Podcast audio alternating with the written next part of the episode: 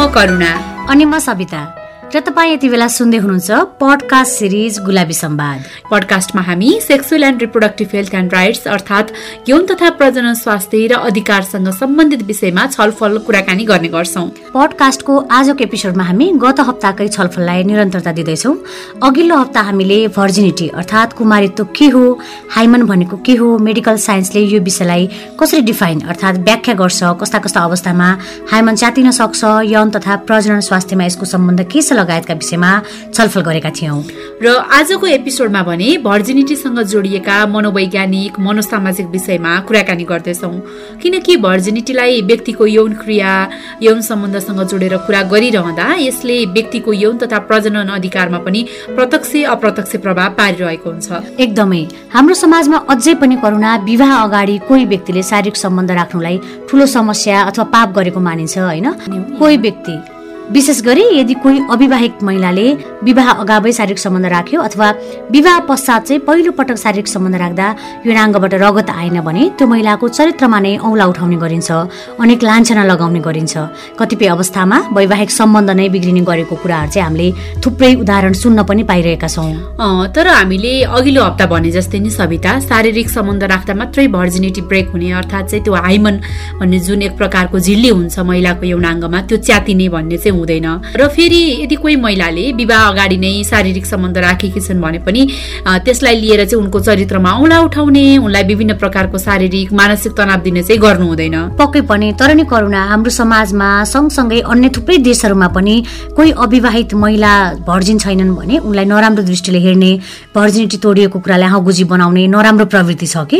त्यही त भने सविता अझ धेरै जसो देशहरूमा शारीरिक सम्पर्क नगरेसम्म चाहिँ त्यो झिल्ली केटी मान्छेको यौनीमा रहिरह रहन्छ भन्ने पुरातनवादी सोच कायमै छ तर यौन सम्पर्कको समयमा मात्रै यो झिल्ली च्यातिने वा तोडिने भन्ने चाहिँ होइन।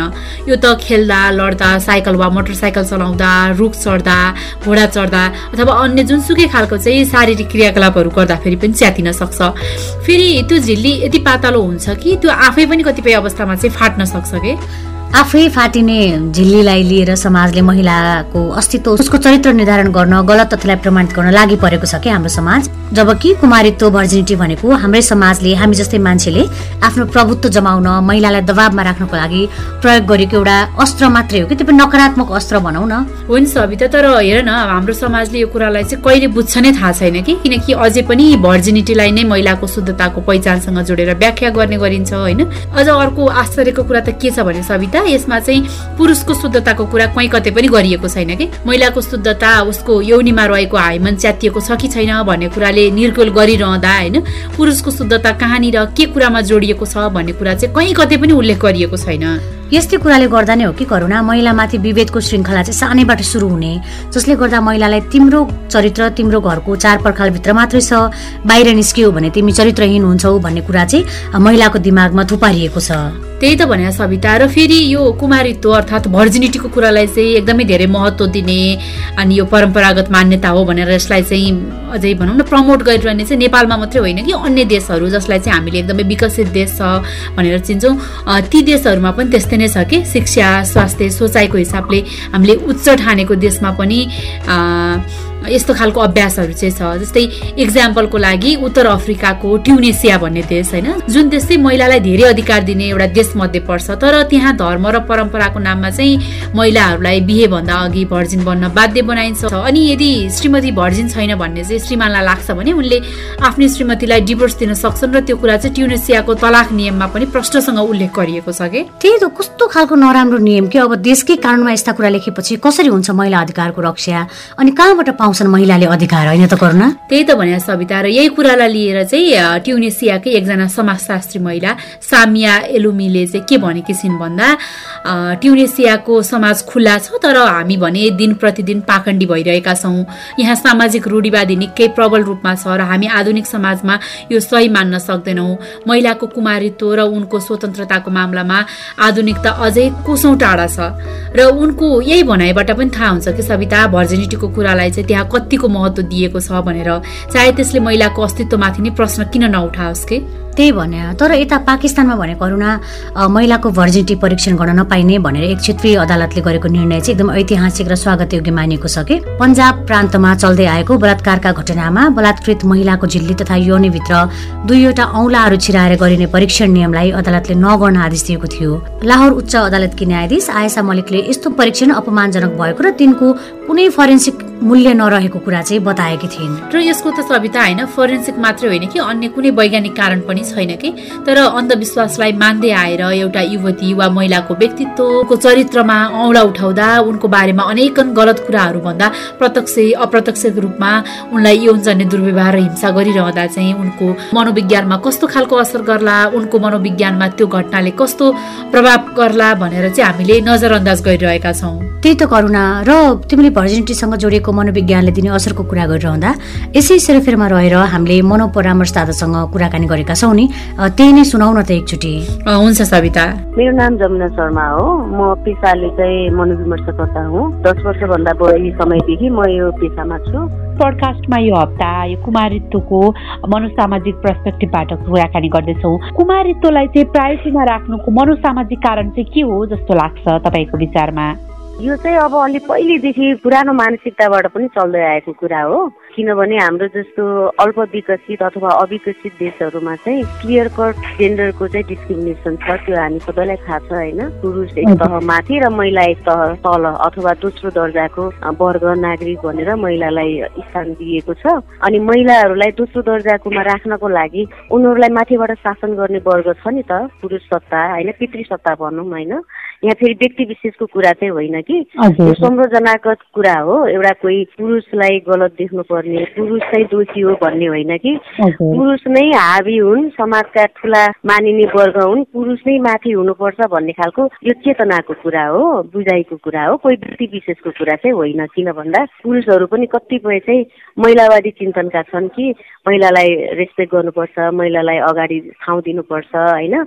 महिला भनेको हाम्रो आमा हुन् धरती हुन् जननी हुन् होइन? अनि स्त्री शक्तिको पनि सम्मान गर्नुपर्छ भनेर त्यो भावमा बुझ्ने पनि समाजमा पुरुषहरू धेरै हुनुहुन्छ। तर मैले चाहिँ यो चिन्तनको कुरा साइकोलोजीको कुरा गरेको हुँ होइन मनोविज्ञानको कुरा। अनि त्यो खालको वर्गले अर्को कमजोर वर्गलाई शासन गर्नको लागि विभिन्न नियमहरू बनाइन्छ कि? मान्छेलाई कति बेला नियन्त्रणमा अथवा कुनै पनि वस्तु परिस्थितिलाई नियन्त्रणमा कसरी लिन सकिन्छ त भन्दाखेरि उसलाई शक्तिको आधारमा कब्जा गरेर उसलाई आफ्नो नियम अनुशासनका विविध तौर तरिकाहरूले बाँधेर होइन? अनि मान्छेले जब ऊ माथि शासन गर्न सक्छ अनि अर्को वर्ग कमजोर ठा ठहरिन्छ नि त। एउटा वर्ग चाहिँ अब्बल अर्को वर्ग चाहिँ कमजोर भनेर। सो यो खालको पितृसत्तामा भएको पुरुषवादी चिन्तन हावी भएको कारणले महिलाहरूलाई दोस्रो दर्जा दिइयो।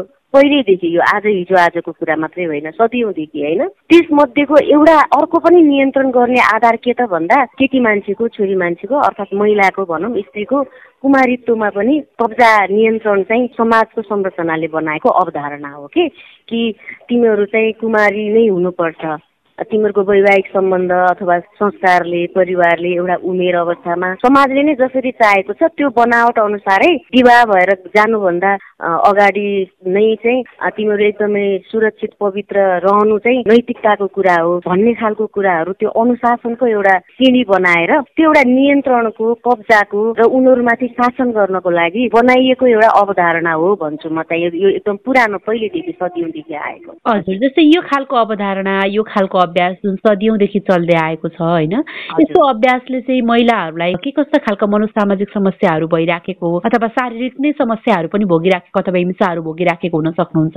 त्यस्ता समस्याहरू चाहिँ के कस्ता छन्? यो त एकदमै ठुलो मनोवैज्ञानिक समस्या हो नि किन भन्दा कोही व्यक्तिले जहिले पनि आफ्नो शरीर आफ्नो उमेर अवस्था होइन लाई चाहिँ एउटा शङ्काको र जहिले पनि डरको मानसिकताले हेर्ने भयो कि।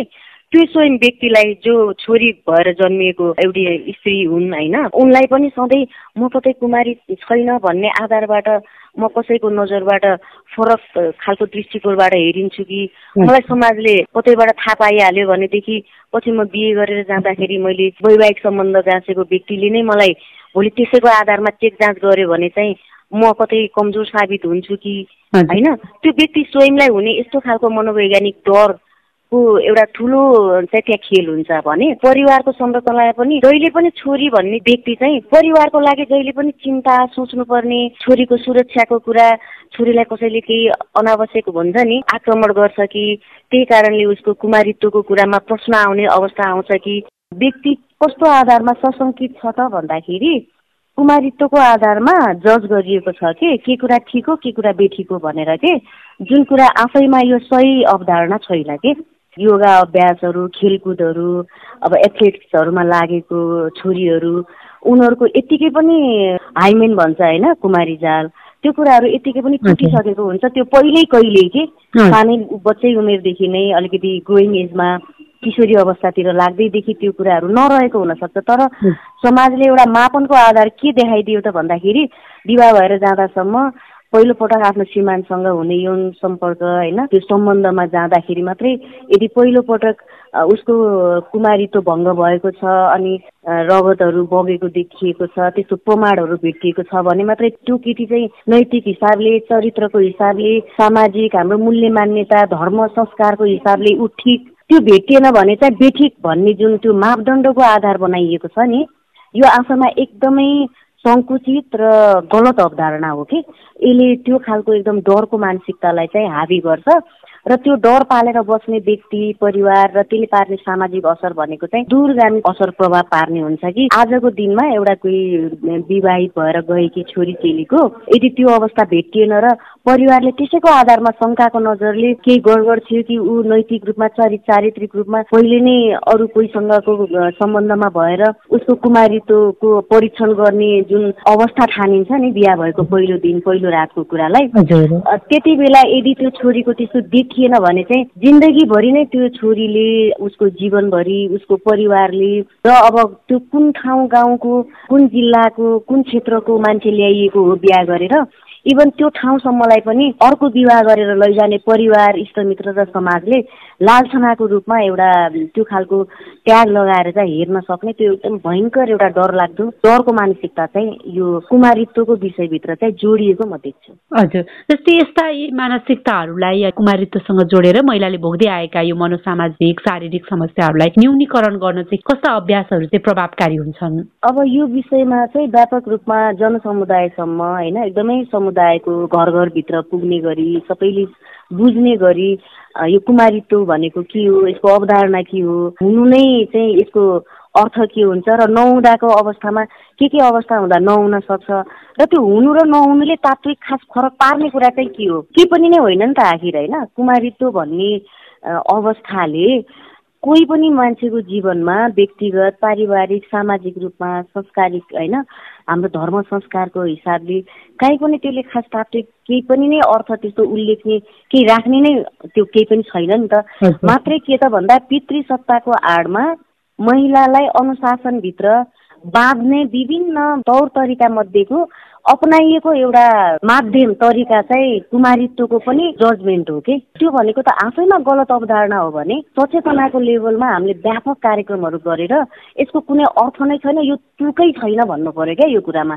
यस्तो खालको अन्धविश्वासी मानसिकता राखेर कोही समाजमा चाहिँ अगाडि बढिरहेको छ ऊ त एकदम विशेष कुरा हो भन्ने लाग्छ भने तिमी बिल्कुल वायात कुराको बारेमा सोचिरहेछौ यो आफैमा गलत कुरा हो। यो अवधारणा यसरी सोच्नु नै यो गल्ती छ।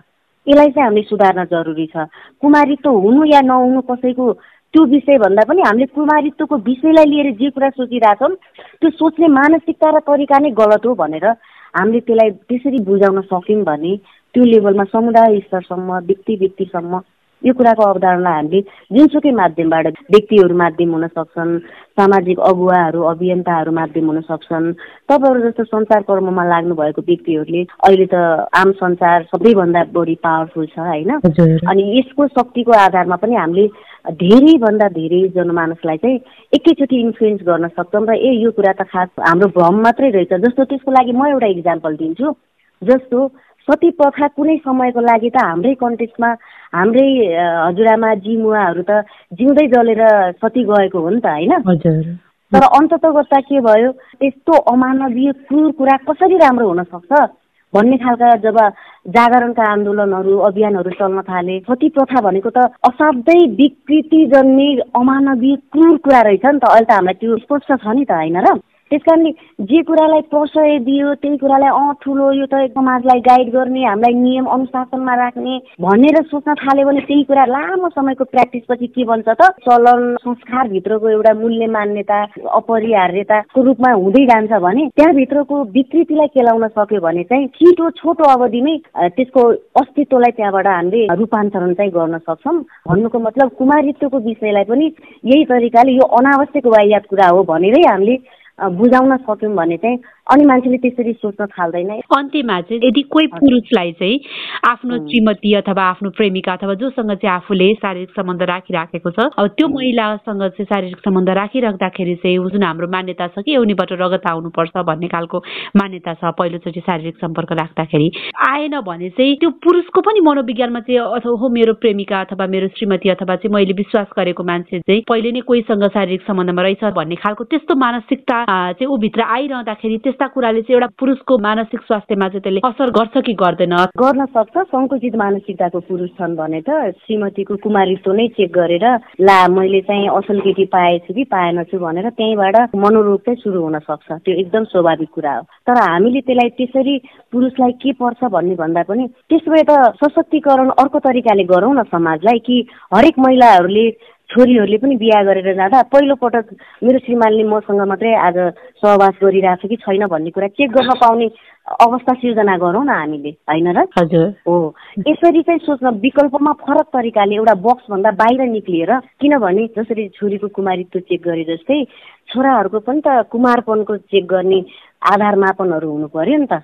समाजले त्यो कुरालाई पनि त स्थापित गर्न सक्छ नि त होइन र?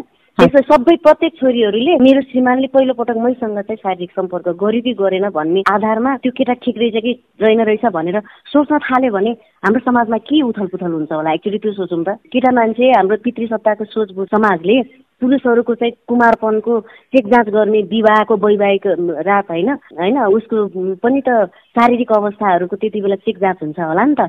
अवस्थाहरू छन् नि त। कुमारपन छ कि छैन भनेर होइन र? ती कुराहरूमा हामी पनि जानकार हुनु पर्यो र त्यो फरक तरिकाले यो मनोविज्ञान चाहिँ आफैमा गलत हो। यदि त्यस्तो हुन्छ भने त्यसको उसमा बराबरीको लागि हो नि त हामीले यो कुराहरू हेरेको। त्यो भनेको कसैले कसैलाई डोमिनेट गरेर कोही चाहिँ तल झरोस् र कोही अर्को वर्ग स्थापित होस् भन्ने त होइन। चेक गरिन्छ भने ल दुवैको चेक गरौँ। यदि पुरुषको आवश्यक छैन भने छोरी मान्छेको महिलाको पनि आवश्यक छैन। सिम्पली द्याट इज हामी कसैको प्रतिस्पर्धी त होइनौ नि त। महिला पुरुषको लागि सहयोगी हो पुरुष महिलाको लागि सहयोगी हो।